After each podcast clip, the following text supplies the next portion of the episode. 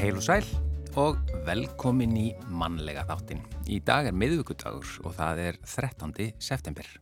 Og þennan dag 1731, mesti mannfjöldi í 200 ár, var samankomin á Þingvöllum þegar æðstu embættismenn landsins sóru Kristjáni konungi sjötta hotlustu eða og þarna voru um 600 manns.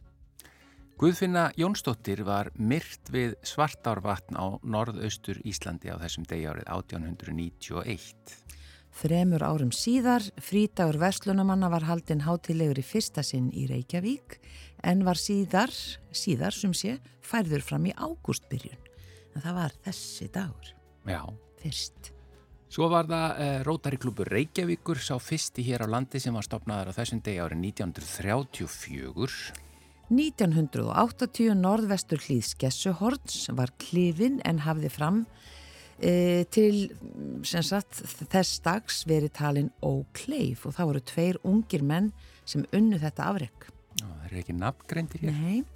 Uh, ári síðar Borgafjörðabrúin var vígð uh, næst leng, lengsta brú á Íslandi 520 metra löng sem sett árið 1981 Svo var það leikonan Grace Kelly 1982 á þessum degi fekk hún heila blóðfall uh, meðan hún óg bifrið sinni og bílinn rapaði niður fjálslíð og hún lést á sjúkrahúsi daginn eftir. Svo eru ymsa samsæris kenningar um þetta reyndar til. Já. Að, hafi, ekki, að þetta hafi ekki verið slís Já, Guðrún Helgadóttir uh, hlaut Norrænu barnabókavelunin fyrir bók sína undan Ílgresinu á þessum degi árið 1992. En yfir í efni þáttarins í dag ætlum að fræðast um PTMF sem er nýtt skýringamódel andlegrar vannlíðunar sem gefur annan valmöðuleika en hefðbundin geðgreiningakerfi. Í því er skoðað samband á milli félagsleira þáttar eins og fátaktar, mismunar, mismununar og misréttis á samt áföllum til þess að lesa í afleðingarnar. Og Kristín í Pálsdóttir frá Rótinni verður hér hjá okkur á eftir. Hún ætlar að segja okkur frá þessari aðferð eh, sem kallast einmitt PTMF en aðal höfundur eh, aðferðarinnar verður leiðbennandi á vinnustu og vegum Rótarinnar á morgun. Fyrir 20 árum fekk Greta S. Guðjónsdóttir ljósmyndari hugmynd þegar hún var að kenna ungmennum ljósmyndun við fjölbyttaskólan í Breiðholti. E, margir nefnda hennar höfðu sterkar lífskoðanir sem oftar en ekki gengu gegn viðhorfum eldri kynsloða og það rifiðast upp fyrir henni að einmitt svona hefði henni liðið á e, þessum unglingsárum og hún fór að hugsa um hvernig lífið endur tekur sig. Og í framhaldinu næstu 20, á næstu 20 árum þá fylgdi hún nokkrum nefndum sínum eftir í myndum og texta og uh, þetta er mjög áhugavert, við ætlum að komast að því svona hvernig þetta var unnið og uh, það verður opnuð síning á þessum myndum og þessum textum núna á lögardægin. Já og svo fáum við postkort frá Magnús það er eina sinni og í korti dagsin segir Magnús frá uppáhaldsgönguleið sinni í eigum en svo leið geymir dramatíska sögu af ungu manni sem tókst að klífa 60 hamar í vondu veðri. Hamar sem talin var vera ó, ófær eða í bestafalli stórhættulegur og Magnús segir okkur líka frá Luis Rubiales fyrir um fórseta spænska fókbóltasambandsins sem að var að segja af sér vegna kossins sem hann þröngvaði á einn leikmann spænska kvennalandslisins sem var heimsmeistari á dögunum. En við byrjum á uh, lægi sem þeir syngja saman hér að Ragnar Bjarnason, Pétur Kristjánsson og Stefan Hilmarsson og það heitir einfallega En hvað með það? Læðir Erlend en Ómar Ragnarsson uh, samt í textan.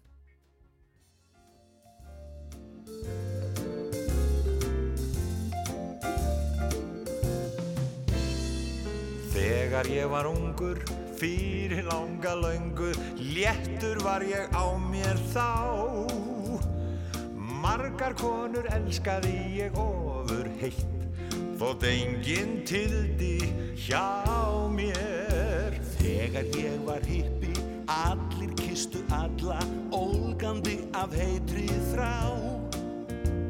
Í komunu ég elskaði þær oft í kross, og allar misti frá mér.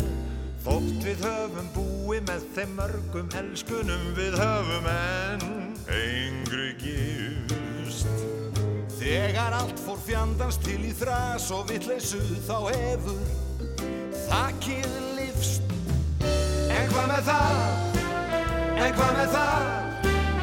En hvað með það? Við finnum aðra á nýjum stað En hvað með það? En hvað með það?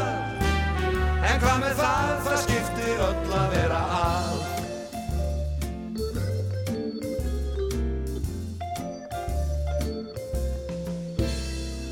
Það var gott að pipra þegar ég var ungur. Þetta er kannski svipað en Já, talgellur hef ég líka elskan heitt. En aðeins tíma Svo síðasta var æði Og ég held ég væri eins og flestir normalmenn Í ljúfum draumi held ég loks mitt lífsins loss Ég loksins hefði fundið En lappað ná spítala og let sér breyti kallmann niður lag. Stemningin Og krafist er að áður en ég veru bónorðið ég verða breytum kyn En hvað með það? En hvað með það? En hvað með það? Ég finn bara aðra á nýjum stað En hvað með það? En hvað með það? En hvað með það? Það skiptir öll að vera að En hvað með það? En hvað með það? En hvað með það? Við finnum aðra á nýjum stað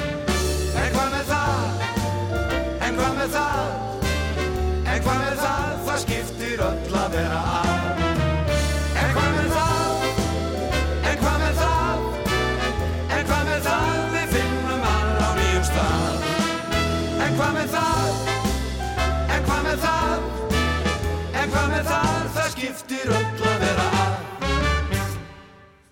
En hvað með það, þarna sungu þeir saman Ragnar Bjarnason, Pétur Kristjánsson og Stefan Hilmarsson og þetta er erlendlag og textin eftir Ómar Ragnarsson. En hingaði komin Kristín E. Pálsdóttir frá Rótinni, eh, velkomin í manlega þáttin. Þakka fyrir. Ég eh, sagði í kynningunni upphafi að við ætlum að fræðast um PTMF og það er sko, þetta var svolítið flókið. Hva, ég, ég get alveg ímyndað mér að það er ekkit eh, allir sem hafa átt að sig alveg á hvað, útskýrði aðeins fyrir okkur hvað er verið að meina með þessu PTMF. Já, sko þetta, uh, það er hægt að láta þetta hljóma mjög flókið en þetta er í rauninni mjög einfalt. Uh, uh, sko PTMF er stendur fyrir Power Threat Meaning Framework eða það er hægt að þýða þetta á íslensku sem valda, ógnar og merkingar hugmyndaramman. Já, en þá svolítið flókið. Já, en það er svolítið flókið, en, en sko þetta snýst um það að, að uh, þetta er sett fram uh, af sálfræðingum, það er breska sálfræði félagið sem að fjármagnar þetta stóra verkefni að búa til nýjan hugmyndaramma um það sem við köllum almennt geðheilbriði Já, og þetta var risa verkefni, þetta var fimm ára verkefni og, og uh, tveir breski sálfræðingar sem stýrðu þessu, Mary Boyle og Lucy Johnston og önnur þeirra er núna komin hinga til að leiða vinnustofu hjá rútunni á morgun mm um þetta og þetta snýst í rauninni uh, um frákvarf frá, frá, frá geðgreiningar kerfum sem að, að uh, helbriðiskerfið okkar er uh, byggt upp á og það er svona veitir uh, geð, allir þurfa að fá greiningu til að geta fengið einhverja meðferð eða stuðning. -hmm. Þetta geðgreiningakerfi það uh, hefur mjög mikið verið gaggrínt uh, fyrir að standa ekki mjög föstum fótum í vísindum og, og, og, og, að það sé ekki byggt á uh, sterkum vísindarlegum grunni og að þetta sé kerfi sem að hafa verið fært úr sko svona líffræðilegri læknisfræði yfir á, á andlega líðan okkar og, og uh, þau sem að standa að uh, Power Threat Meaning Model þau segja að þetta hafa bara ekki tekist neitt vel og að þetta kerfi virki ekki vel fyrir fólk. Sem sagt að, að þú þurfir alltaf að fá einhverja greiningu og síðan til að geta fengið hjálp. Og það sem að þau leggja fram að það er uh, uh, sagt, uh, þeirra svar við þessu og tilraun til að búa til kannski ekki beint kerfi en svona hugmyndaramma utanum það hvernig við getum unnið með andlega vanlíðan og þjáningar, mm. andlegar þjáningar og þau kalla þetta ekki, þau nota ekki hugtök eins og einkenni og greining uh, þau uh, sko í staðin þá er, er uh, sko og þetta snýst mjög mikið um hva, hvernig vald hefur haft áhrif á líðið. Hvaða vald hafði áhrif á líðið? Hvað gerðist? Já, ég ætlaði einmitt þetta, hvað gerðist? Það, það, er setningi ég var að lesa einmitt það því að það er margt Já. í þessu flókið og ég var að svona reyna að glukka aðeins en við höfum fjalla mikið hér í þættinum um áfull og afleiðingar áfalla Já. og ég tel mig verið að greina að það sé að vera að taka meira tillit til þess Já. í þessu og, og það er þessi setning hérna, það er að vera að breyta frá hvað er að þér yfir í hvað kom fyrir þig Er það ekki rétt? Þetta er alveg hárið, Gunnar. Já, Já. þannig að það, þar með þessu viðtali bara flókið þetta komið. Nei, en þetta er ennþá, þetta er smá flókið, að en, en að því að kannski hafa verið einmitt eins og þú segir, greiningar hafa kannski verið eitthvað skakkar eða hvað?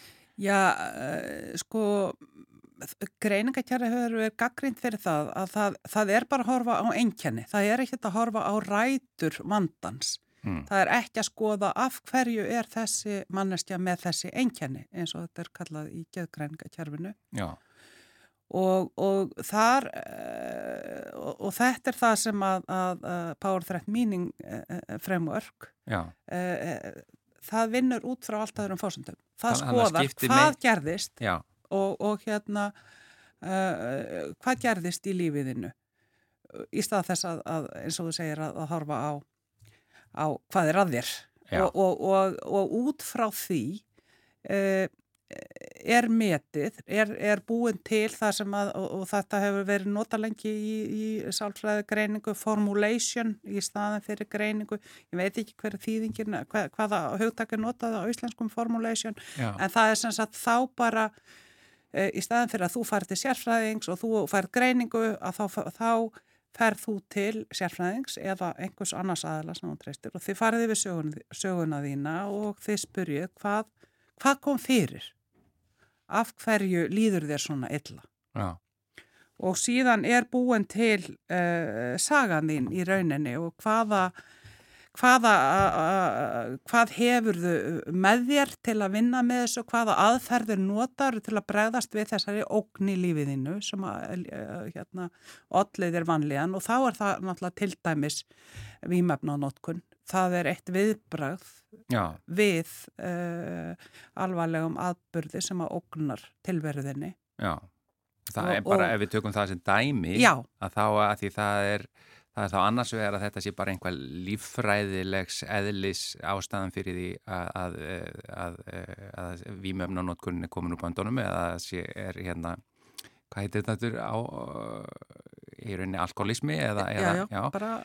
en að sé einhverjar ástæði bakvið í út frá einhverjum áföllum sem þú hefur lendt í sé þessi deyfing eða... Já. og þetta er í rauninni bara það sem að þau eru að gera og það er þessi sem að þið hafa fjallaðum hérna veit ég oft uh, þessi eisrannsókn eða, eða rannsókn á erfiðri reynslu í æsku sem að síni fram á sem er gerð í bandaríkjónum á, á tíund áratögnum og, og, og sínir fram á þessi sterku tengsl á milli aðstæna í líf okkar og ógnar í líf okkar uh, og félagslegra aðstæna hvernig það, það hefur áhrif á heils okkar bæða andlega og líkamlega. Mm -hmm. Og, og þetta er í rauninni bara þau er að taka þessa þekkingu, þessa þekkingu á, á uh, því hvað gerist í líf okkar uh -huh. uh, og hvernig það hefur áhrif á heils okkar. Uh, þau eru að taka þetta bara alla leið og, og búa til nýjan hugmyndarama um hvernig við getum unnið með þetta á áfalla miðan hátt. Já. Ég held að allir átti sig á því að maður hugsa bara út frá sjálfum sér að, að auðvita allt sem ég hef lendi í hlýtur hafa haft áhrif á það Já. hvernig mér líður Einmitt. og það er maður á hefur stundum eh, aðeins stittri þráð að hlusta á það gagvast öðrum eða kannski kerfið hefur stittri þráð að hlusta, hlusta á slíkt en, en það er sem sagt, það er verið að opna betur augun fyrir uh, því að hvaða afleðingar áföll hafa Já. og þessi vinnustofa hún er á morgun uh, hvar og, og, og Hún er á Grand Hotel og, og hefst klukkan hálf nýju með skráningu og, og það er einhver sæti laus en þá ef einhver er kveikja. Fyrir hverja? Er þetta þá fyrir fagaðila? Þetta er bæði fyrir fagaðila hmm? og, og hérna þetta er kannski það er ekki beintakt að segja aðferðir. Hluta þessu er aðferðir, það er líka kjendar aðferðir en, en þetta er svona aðla til að, að, að, að hérna svona kynast þessari eh, hugmynda, þessum hugmyndaramma mhm. -huh. utan um, um nýja hugsunum geð, geðhelbriði. En þetta er opið, það, við, sko það er fín skráning og bara skemmtilega blanda bæði fagfólki aktivistum og, og fólki sem hefur reynslu af, af geðhelbriðis eða výmefnakerfinu. Þannig ég á bara vona mjög skemmtilegum og lífulegum umræðum í þessari vinnustofu og náttúrulega uh, frábæri fræðslu frá Lucy Johnston sem er, er, er algjör kanona og, og hérna mjög skemmtilegu fyrirlesari. Og önnur höfunda, uh, eh, PTMF. Já, ekki, já. Eh, hérna, sko, bara rétt í lokin að því að, að, þetta með að, að því þú nefndir ACE sem við höfum alveg fjallað um hér eh, greiningakerfið og, og, eh, og í rauninni grein, já, rannsóknar minni, eins rannsóknar og svo greiningakerfi. Þetta er ekki verið að fara að kollvarpa þeim öllum heldur þetta er kannski eh, til að dýfka og, og bæta við. Já, þetta er náttúrulega sko, það er mikil gaggrín á greiningakerfið þessu en það er náttúrulega líka, þetta er mjög raunsætt Uh, sko það, það, það tekur mjög langan tíma að breyta greiningakerfum eða, eða breyta kerfin og þau eru alveg meðvitið um það sem að skrifa þetta uh, þennan, þennan ramma. En, en þetta er rosalega gott innleg í bara vinnu fagfólks og, og líka fólks með reynslu, þetta er valdeflandi fyrir fólk sem að, að kannski eh, hefur ekki fengið góða þjónustu eh, eða valdablandi þjónustu inn í, í geðhelbriðskerfi eða öðrum kerfum til dæmis. Já. Þakka þið kjalla fyrir Kristín í Pálsdóttir fyrir að koma. Það er þessi vinnustofa á morgun. Hvar áttur í á hótel? Þetta er á Grand Hotel Grand og það er allar upplýsingar inn á vefrótarinnar róten.is. Kristín í Pálsdóttir, takk fyrir komin í manlega þáttinn.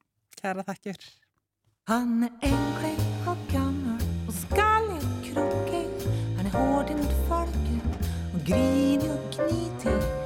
Ja, så tog jag den, ja då var jag tokig och tvide och snorlans och tvide och tvide.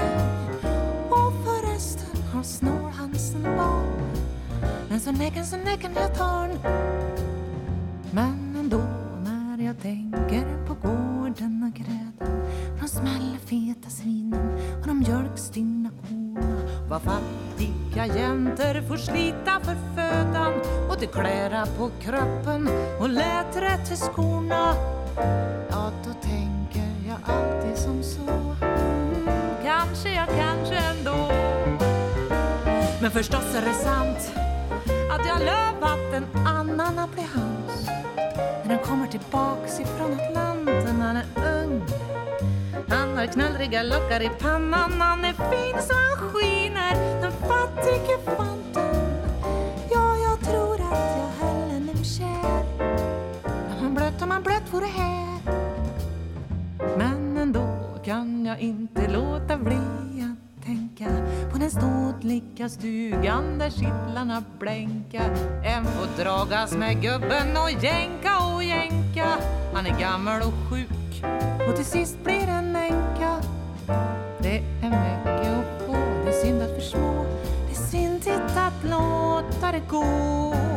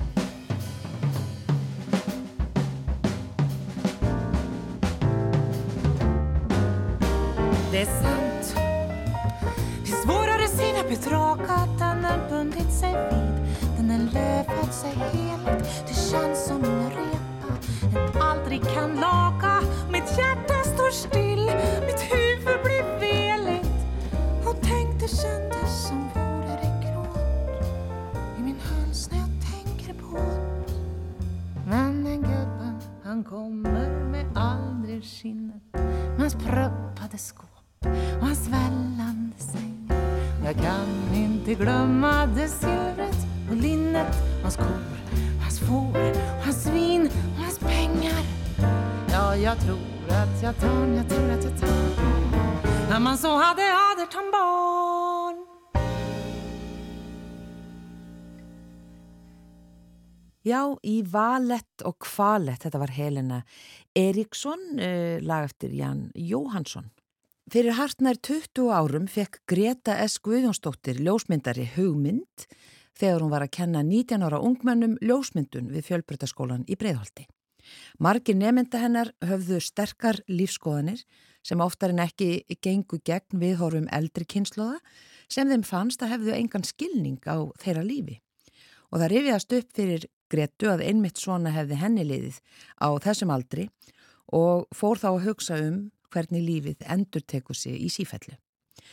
Á næstu 20 árum fylgdi Greta nefndum sínum eftir í myndum og texta en hún baðu líka um að skrifa nefur hugleðingar sínar um hvar þau væru stött í lífinu þá stunduna og hvar þau myndu sjá sig eftir 5 ár og hins vegar 10 ár. Núna á laugardaginn verður opnu síning á þessum verkum Gretu og hún er á línunu hjá okkur. Já, sko ég sjálf var mikið heima hjá ömmu, bjó hjá henni mikið á þessum aldri og man eftir þegar amma var að setja svona út á fatnað minn og eitthvað slíkt á þessum árum og mér fannst þetta svo gaman að fylgjast með þeim að þeim fannst ég ekki sko hafa þennan skilning eins og mér fannst amma ekki hafa skilning á þessum fatnaði. Mm. Þannig að það svona líka íttu undir að þau voru með svo sterkar lífskoðanir, með svo svona tjáðu sig í hvernig fatnaðu völdu annað slíkt. Þannig að ég bar þetta undir þau og var alltaf, já, 100% því að þetta var eitthvað sem ég vildi fylgja eftir. Mikið af verkum sem ég hefur að gera eins og með seríu sem ég gerði af ömmu minni um, hefur verið í gegnum mörg mörg ár. Þannig hef ég unnið daldið. Já, Þannig að það var og það var gaman að, ég veit að spyrðu þegar þau eru 19 ára að núna 20 ára síðan og þá eru þau öll til í að vera áfram í þessu. já, þannig að þú ert ennþá með þetta verk bara í gangi. Já, og vonandi fæ ég bara halda áfram bara eins lengi og já, mér eh, dugir aldrei til. Já, þannig er þetta, já, einu svona árið sem þú tekur myndir eða hvernig er það? Nei, ég fer fimm ára fresti, það væri nú einum of ef ég væri að fara einu svona árið. Þetta eru þetta mikið trublum fyrir þau að vera alltaf að fá mig inn á heimili sitt og, og annað slíkt. Og ég held að þau hafi sjálf ekki átt að segja á því þegar ég var 19 ára hvað þau voru að samþykja að fara með mér úti. Já, En, en hérna samaskapið þá er þetta líka mjög skemmtilegt því að ég fengi að fylgjast með þeim já. og haldið sambandi við þau. Hvað eru þau mörg? Þau eru nýju Já, og þetta var þegar þeir sem sagt ég ákveð að ég vilja að þau séu 19 ára. Það var margir sem vildu fá að taka þátt en ég bara hjælt mig alveg við það að það yrði að vera 19 ára. já. Og hvernig fer þetta fram? Lýstu þið hann svona hvernig, svona hvernig þessi prósess er? Um, ég sem sagt fæ, ég hef samband auðvitað við þau og held alltaf sambandi við þau. Það er það sem ég líka mjög skemmtilegt. Ég hef grætt sjálfa á þessu verkefni að fá að fylgja þessum nefndum mínum sem þetta er ekki krakka lengur þó ég kalli þetta krakka því þau eru orðin færtug. Uh, ég sem sagt fæ að fara heim til þeirra þar sem þau eru stödd og ég hef þurft og þá er eitthvað sem ég hugsaði ekki út í upphafi þessa verkefnis að þau þetta fóru mér um öll erlendis að læra. Þannig að ég fór til Brussel og Berlín og Köpen og svona að taka myndir heima hjá þeim. Og í upphafi þegar ég byrjaði þá var þetta alltaf herbyggja bara inn hjá fóreldurum. En uh, svo fór þetta að vera bara þeirra íbúð og þá fór, vildu þau helst, ég læt þau alltaf stjórna hvar ég tek myndirnar. Og þá vildu þau helst öll vera bara inn í stofu. Og svo þegar, þegar því lókið þá fer ég með því í stúdíó og tek myndir af þeim bara svartkvita myndir af sem sagt þá er ég að hugsa um bara einblíðin á þau, hvernig holningin er, hvernig uh, fatnaðu uh, kjósa, bara svona, já, hvernig maður að segja þetta góður íslensku, expression. Já, hvernig Með hérna, svona tjá já, sig. já, hvernig, já, akkurat, líkamstjáningin, flott. Já, Og síðan að þá er það svona erfiðastu hlutinu, þá er að fá þau til þess að senda mér alltaf línu.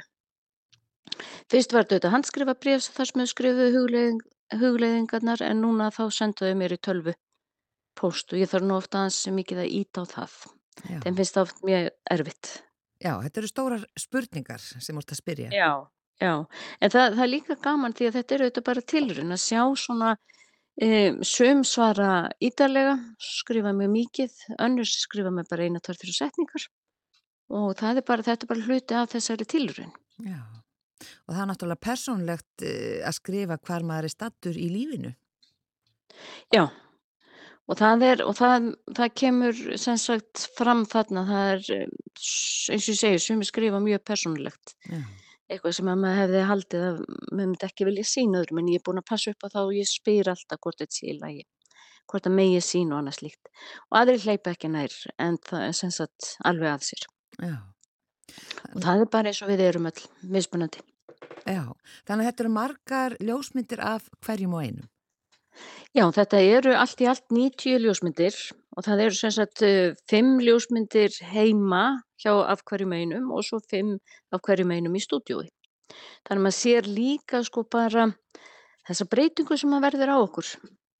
Bara í, eins og margir ljósmyndir hafa verið að taka myndi bara sem sagt þessi líkamsbreyting. Já, já. En ég var meira að hugsa um til dæms minna, það er mjög gaman að sjá sumi stand alltaf í sumi stellingu Já, og aðrir breytast, minna það er, það er svona sumt sem að, veist, hversu mikið kemur strax í ljós þú ert 19 ára af þínum kjarna, ég, og hversu mikið breytist á lífsleiðinu, hversu mikið hefur lífið áhrif á okkur. já.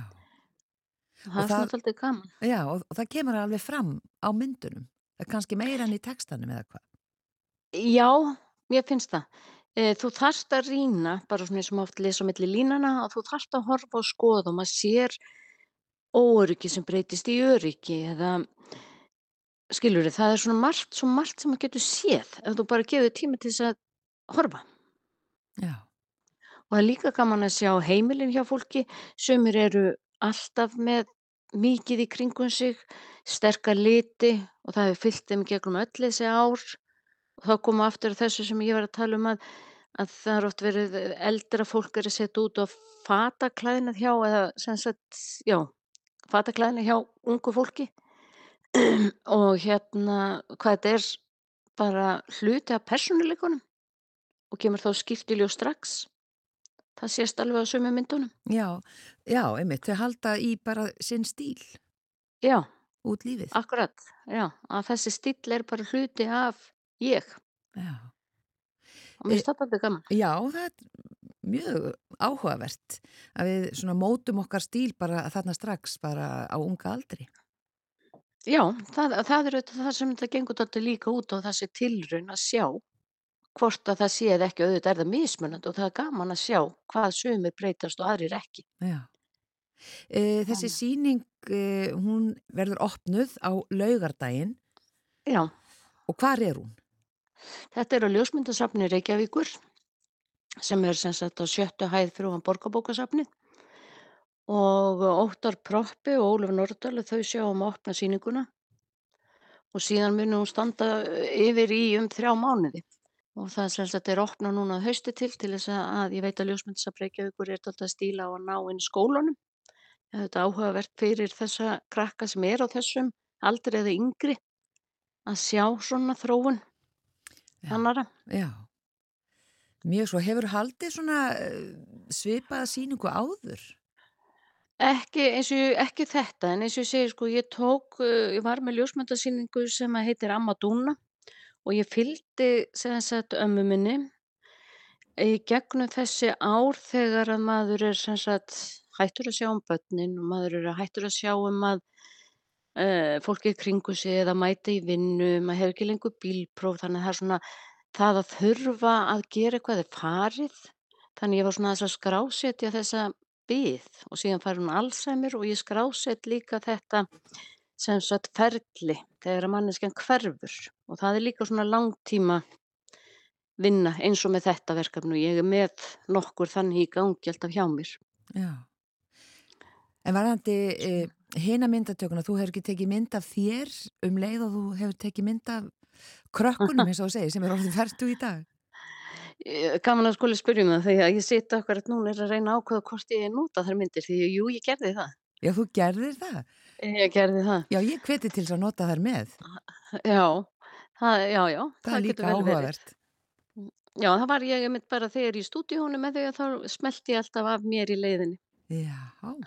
Að sjá munin. Ég byrjaði að sensa þegar í þessu þá er ég, e, það, nei, ég er rúmlega þrítug þegar ég byrja og þau eru nýtja. Já og þá þetta fannst þeim ég vera svo langt frá þeim en nú þetta eins og þú veist að aldur spilið að það mingar eftir sem að eldist. Já, það er nú svo merkilegt með það. En Já. þetta er mjög áhugavert og hérna verður gaman að, að skoða þessa síningu. Kæra þakki fyrir þetta Greta S. Guðjónsdóttir, ljósmyndari. Takk svo með leiðis.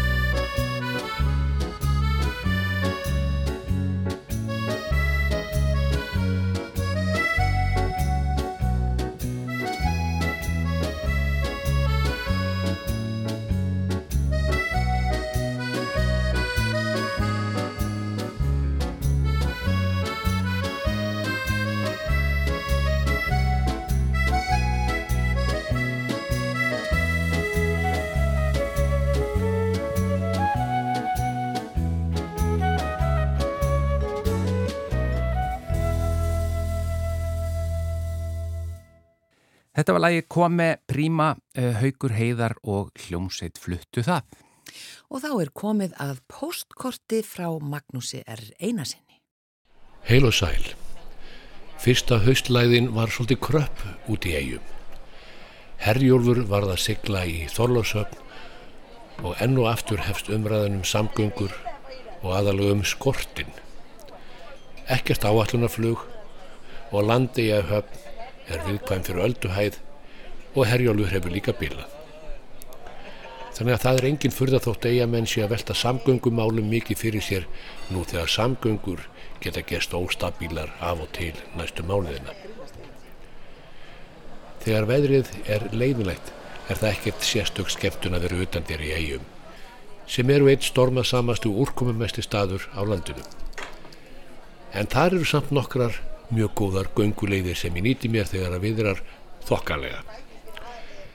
Einn þeirra á eiginlega mín uppóhals líkur með vestuströndin á heimægi og meðfram svo köllum ofanleitishamri sem er um það byl 60 metra hár klettaveggur, meirinn 30 km langur, nánast þvernýftur og hann er víðastalinn óklifur. Þarna er víða hengiflug og verulega sæbratt. Raunar var hamarinn klifin í fyrst og eina sinn svo vita sé fyrir 9-10-5 árum þann 15. februar árið 1928 af manni að nafni Jón Vigfússon. Kvöldið áður hafði 17 tonna línubátur Sigriður Vaffi 240 strandað undir 60 bjerginu með 5 manna áhöfn. Þetta gerðist á þrýðdaskvöldi um tíu leitið í blind bíl og svarta myrkri. Jón Vigfússon var tvítur mótoristi á Sigriði Vaffi og hann er eini maðurinn sem vitaður um að hafi klifið ofanleiti samar og það um hávetur í afleitu veðri berhendur skólaus á sokkalistanum.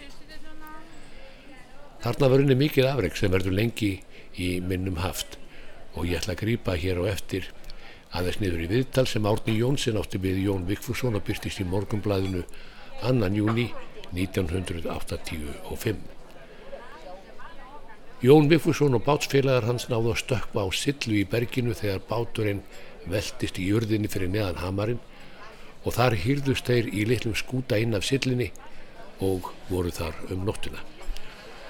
Þegar byrti af degi þá sáu þeir loks hvar þeir voru stattir og áttuðu sig á því að eina leiðin til björgunar var að klífa hamarinn. Því það var og er gerðsamlega ófært í flæðarmála urðinni undir hamrinu og Jón félst á að reyna að klífa bjargið. Hann segir Áður en ég lagði af stað fekk ég lánaðan sjóvelling hjá einum hásetanum og hafði hann á annari hendi til að róta snjó úr berginu og reyna að finna handfestu. Svo held ég sjóvellingnum á milli tannana á meðan ég fikraði mig upp. Þetta gekk all vel, þánga til ég var komin upp í mitt bergið. Þá ætlaði mér að ganga illa að finna handfestu en ég hafði samt að vega mig upp og síðan gekk ágjörlega upp undir brún. Þá blasir það við að brúnin slútir fram yfir sig og það leit illa út í þessari stöðu og það var líka innbyggt að við vorum hrættir pejarnir í eigum við hamarinn því hann er svo laus í sér. En einhvern veginn hafði ég að tegja fingurgómanni í festu á brúninni og hún hjælt en ég var hreinlega að vega mig upp á fingurgómanum. Mér ætlaði að ganga illa að koma síðast að spölinn en það hafðist. Ég varð ógulega kátur þegar ég var komin upp en líklega hef ég verið um 15 mínútur á leiðinni. Ég leitt aldrei við. Það var engin von til þess að komast aftur niður þá leið sem ég fór upp. Saði Jón Vikfursson, sagði Jón Vikfursson í morgunblads viðtælinu. Og frá hamrunum þar sem Jón kom upp voru það byrj tveir kílometrar að byggðinni við höfnina og þanga gekk hann í kavalsnjó og hrefti blind bíl á leiðinni, berhöfðaður og berhendur á sokkalistunum. Hann náði heim til sín á bæ og sagði tíðindin á skipróttinu og ferðsinni upp hengiflugið. Og það var strax gerður út leiðangur og fjórum skipsfjölum Jóns Sigfússonar var bjargað af sillunni þar sem þeir höfðu hafst við, kaldir, blöytir og raktir frá því kvöldið áður en grípum aftur niður í morgunbladsviðtalið, þar segir Jón. Þegar ég lagði í bjargið var það ekki alveg árinnilegt eins og ég sagði og ég bjóst við að það erði erfitt, sérstaklega ef maður þyrst að snúa við. Ég vissi líka að hamarinn er mjög laus í sér en maður er vanur príli eins og strákar voru á þessum árum. Jú, mér var sagt að þarna hafi verið ókleift en ég held nú alveg róminni og einbetti mér að þessu og þakkaði Guði fyrir þegar ég var komin upp á brún. En áður en ég lagði að stað upp bergið þá tók ég það loford af skipsfélugum mínum að þeir myndi ekki reyna að koma á eftir mér, saði Jón Vigfússon. Hann segist hafa farið skömm eftir slísið út á hamarinn til að rifja upp og endur með þetta aðstæður. Þá voru þar menn að hyrða brak úr bátnum til að hafa í eldi við. Jón Vigfússon lákaði ekki til að endur taka klifrið. Fyrir ofan strandstæðin upp á Hamrinum er minnismerki um þetta einstaka björgunafreg sem Vestmanniða bæri létt reysa árið 1996. Þaðan sést leiðin sem Jón fór upp bergið og ég er svo loftrættur að mig sundlar í hvert sinn sem ég kemast minnismerkinu og horfi á ofanleitis hamar, þvert nýft, hengiflugið, ógnvekjandi og svart. En eins og áður sagði þá er gönguleiðin við ofanleitis hamar mínu upp á hals þessa dagana. Dramatísk leið, cirka 30 km laung og vel stygguð. En þegar veðri spillast í eigum þá ferðast maður heima fyrir um heima og geima á netinu, upplýsinga hraðbrautinni eins og það var kallað seint á liðinu öld. Og nú á sunnudaginn bárust þau tíðindi að Luis Rubiales, fórseti spænska fótbóltasambansins, hefði sagt af sér. Kossin sem hann þröngbuð upp á Jennifer Hermoso, eina hetju spænska kvennalandslýsins í fótbólta, varð honum að falli. Kossin kostaði ekki aðeins Rubiales æðstu stöðu fótbóltamál á Spánverja. Kossin varð að pungsparki í feðraveldi spænska þar sem Karlaremba hefur grasserað meir en annar staðar í Evrópu. En það var samt ekki að sjá að Rubiales yðraðist og afsökunarbeginni hans en náði varðla að verða volg. Hann sendi frekar hortu skilabóð á samfélagsmiðlum þar sem hann sagði að dætur hans, fjölskeldun og fólkið sem ann honum hafi þjáðst vegna gengdalaustra ofsókna og falsana. Rúbi Alli sem er 46 ára hafði stöðut haldið því fram að henni mér Hermoso hafi samþýtt kossin og faðma sig og þrýst sér aðarum en þessu trúðu fáir sem áhorðu í sjómarpunu og á netinu. Eins og Júdasar kossin forðum þá er Rúbi Allis kossin tákn um sveik. Júdas sveik fyrir silfrið en Hennifer var svikinn og svift verðingu sinni að fórseta íþróttar sinnar. Kossin er nú þegar komin á topp 10 á vinsældalista kossana en svo saga spannar einn 4500 ár. Fyrstu rituðu heimildur um koss, konu og kals eru frá Mesopotamíu, landinu millir tveggja fljóta þar sem við kollum nú Írak, en það er út út úr. Luis Rubiales er engin kórdrengur, en það vill hann engin veifi skattit vera talinn. Hann átti feril í fótbolta sem harður varnarmadur en spilaði lengst af í annari deildinni og eftir um það byrj 300 leiki og eitt mark þá laug ferlinum á Skotlandi þar sem hann spilaði aðeins nokkra leiki fyrir lið sem heitir Hamilton Academical þá orðin 32 en helt þá ragleiðis heim til Spánar og þar tókst honum að verða formaður í samtökum atvinnumanni í fótbolta og þaðan lág leiðin í forsetta ennbætti hins konunglega spænska fótboltasambands. Nagli vissulega, harður en ekki lipur, slægur en ekki klókur, segja gagnarinn endur hans. En í listilega samansettar greinar um feril, Rubiales, sögu hans og karakter má lesa í spænskum fjölmiðlum þessa dagana. Þar hefur Gustaf Ummann og sögur og frettir af spillingu innan sambandsins undir fóristu Rubiales eru orðnar legjó. Alræmdust er sagan að því hvernig honum tókst að selja keppnina um spænska ofurbyggarinn Supercopa de España til Sáti-Arabíu og hagnaðist að sögn umtalsvert prívat og persónulega á þeirri svölu. Samkvæmt upplýsingum í spanskum fjölmjölum þá hafa mál gegn Rubialis verið höfðuð í fleirin 70 skipti. Flest þeirra hafa ekki komið fyrir dóm, önnur hafa verið afgreitt utan dómsal og sem hefur hann unnið en einhver tapað. Umdeildur hefur hann alltaf verið en á einu augabræði var hann að tákmynd hins heimska spænska karlrembusvins sem grýpur um hræðjar sér við hliðin á drottningu spánar og dæturum hennar þraung var sigri fagnandi konu í koss þegar hún getur yngri vörn við komið. Niðurlæging hans nú verður arfleð hans um ókomna tíð.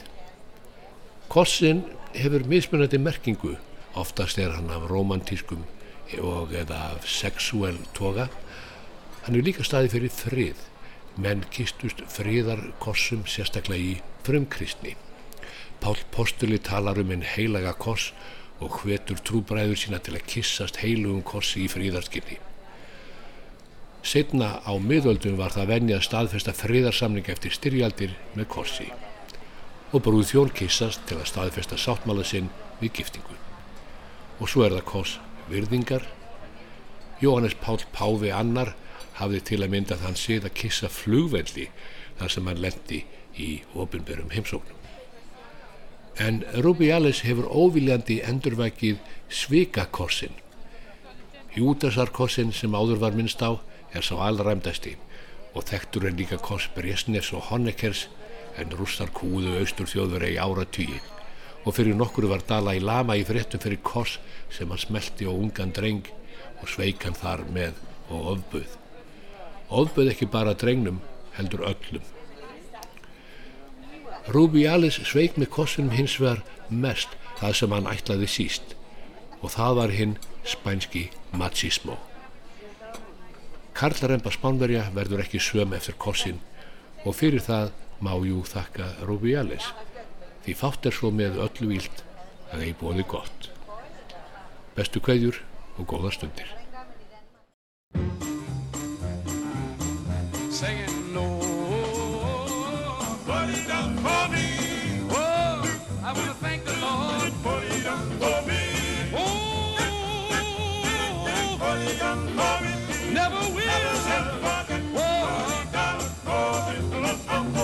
Sanctified my soul one day. Put it down for me. He sanctified my soul one day, boy. Put it down for me.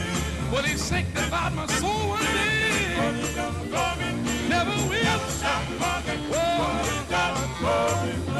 Oh, stop my tongue from lying, boys. He stopped my tongue from lying. Well, he stopped my tongue from lying, children. Never will.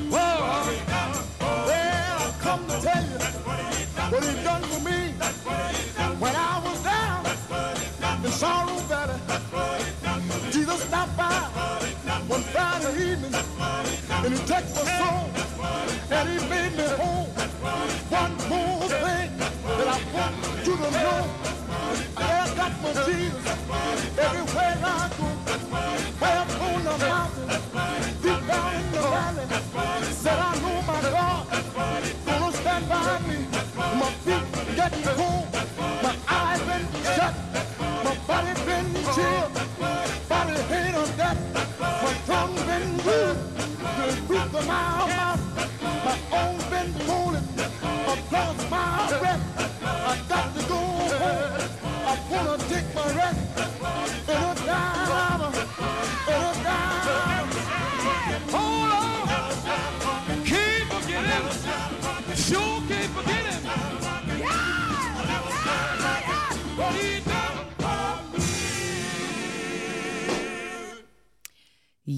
mikið fjör þarna What He eh, Has Done For Me Þetta voru Five Blind Boys of Alabama og uh, gömul upptakað eins og við heyrðum. Og þetta var bara lokalagið í mannlega þætti dagsins. Já, þökkum samfélgina í dag. Já, verðum hér aftur á sama tíma á morgun. Verðið sæl.